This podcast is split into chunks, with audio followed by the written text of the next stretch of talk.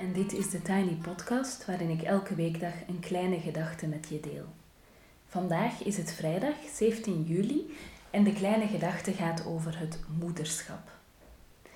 Deze week kreeg ik een tekst doorgestuurd van een van mijn cursisten. En die vond ik zo treffend dat ik hem graag verder deel.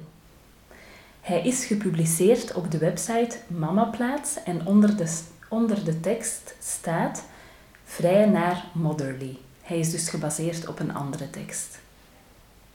Ik zet de link naar Mamaplaats in de show notes.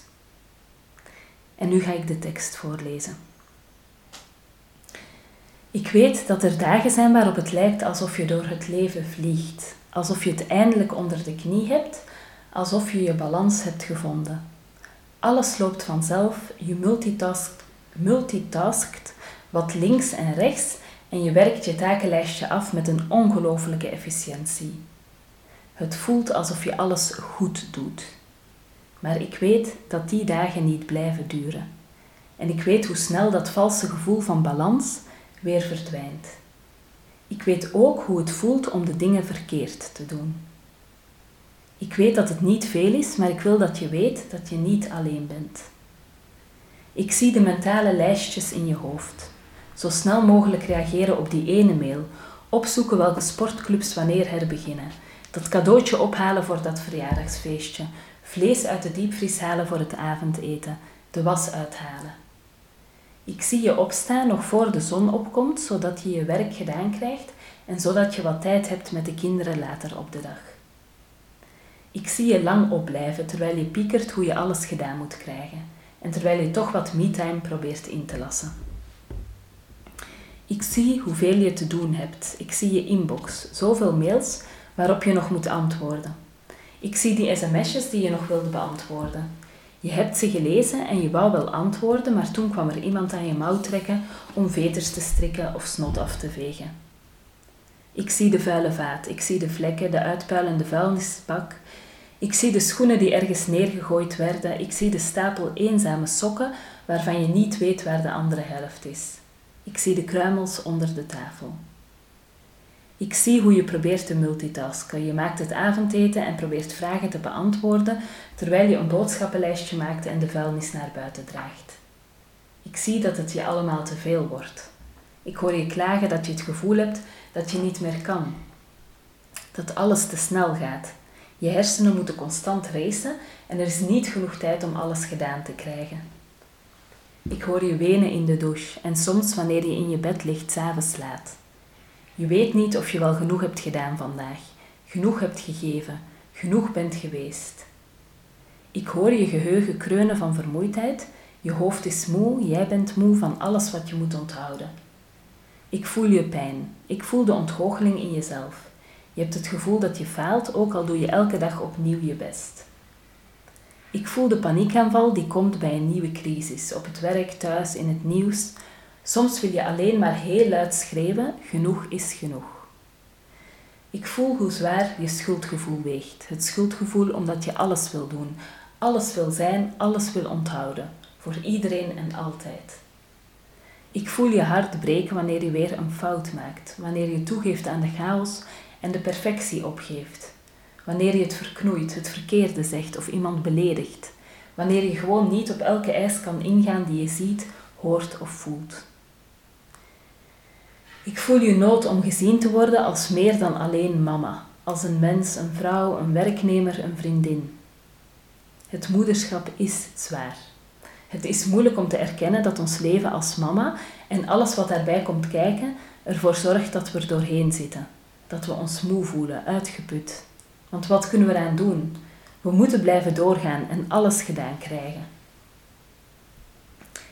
Dat is de eerlijke, enge en echte waarheid. Het moederschap is zwaar in verantwoordelijkheid, in taken, in zorgen, in angsten. Maar, godzijdank, is het ook vol liefde, vervulling, vreugde en voldoening. Verlies jezelf niet uit het oog. Dus, lieve mama die er doorheen zit, dit is wat ik je toewens. Ik hoop dat je beseft dat het gevoel dat je er doorheen zit eigenlijk een alarmbel is. Een signaal dat je vertelt dat je je eigen noden voor de verandering op de eerste plaats moet zetten. Ik hoop dat wat je ook nodig hebt, je de rust en de adem krijgt die je verdient. Ik hoop dat je weet dat het oké is om hulp in te schakelen. Specifieke hulp van specifieke mensen, zelfs als zij het niet zelf voorstellen. Vraag hulp aan je partner, je ouders, je buren. Vraag hen om iets te doen waardoor het gewicht op je schouders afneemt. Vraag je partner om die doktersafspraak te maken of boodschappen online te bestellen. Vraag je buren om even op de kindjes te passen, schakel de hulp van je ouders in. Ik hoop dat je zoveel betaalde hulp inschakelt als je budget dat toelaat. Een babysit om er eens uit te zijn met je man, een poetshulp misschien, of iemand die de strijk van je overneemt. Neem tijd voor jezelf. Ik hoop dat je gelooft in even pauze nemen, een stapje terugzetten. Als we het onszelf toestaan, kunnen we een minuutje nemen om even adem te halen. Ook wij zijn het waard om tijd of geld te spenderen aan onszelf, om iets leuks te doen, te ontspannen. Ik hoop dat je tijd maakt om te bewegen. Je wil dat je kinderen frisse lucht krijgen en kunnen bewegen, maar ook jij hebt daar nood aan. Ik hoop dat je eigen fysieke gezondheid een prioriteit voor je is.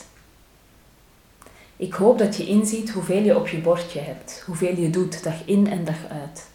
Dus in de plaats van kwaad te zijn op jezelf omdat je dat onmogelijke, lange to-do-lijstje niet hebt afgewerkt, hoop ik dat je trots bent omdat je die duizend andere dingetjes wel hebt gedaan.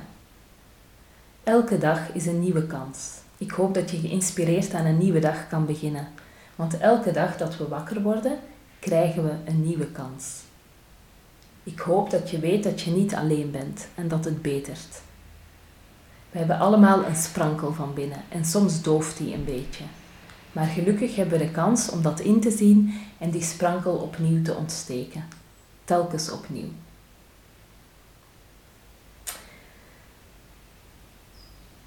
Ik ga er verder geen eh, duiding bij geven of niks bij vertellen, behalve misschien dat ik het ehm, fijn vond om deze tekst een keer te lezen uh, en doorgestuurd te krijgen. Um, omdat er nu eenmaal momenten zijn in mijn leven en ik vermoed ook in jouw leven dat, het, um, ja, dat deze tekst wel erg van toepassing is. Tot zover voor vandaag. Je kan me volgen op Instagram at The Tiny Podcast. En je helpt me door deze podcast wat sterretjes te geven op iTunes, een review achter te laten en of hem door te sturen aan iemand anders die er misschien ook graag naar luistert. Tot maandag.